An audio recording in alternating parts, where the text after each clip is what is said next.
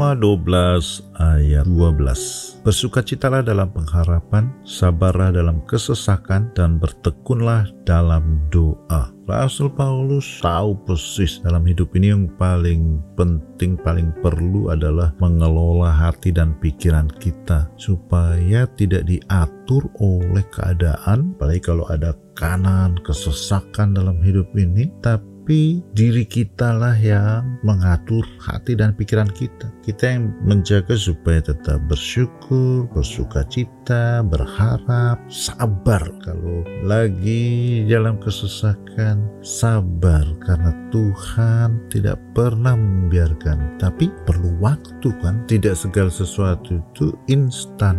Dan kalau kita bersabar, akhirnya kita ketahui bahwa ternyata janji Tuhan juga digenapi mimpi. Sebab itu rugi sekali kalau kita membiarkan diri kita menderita, sengsara, susah, stres. Sebaliknya, biarlah kita terus bersuka cita, sabar, dan bertekun.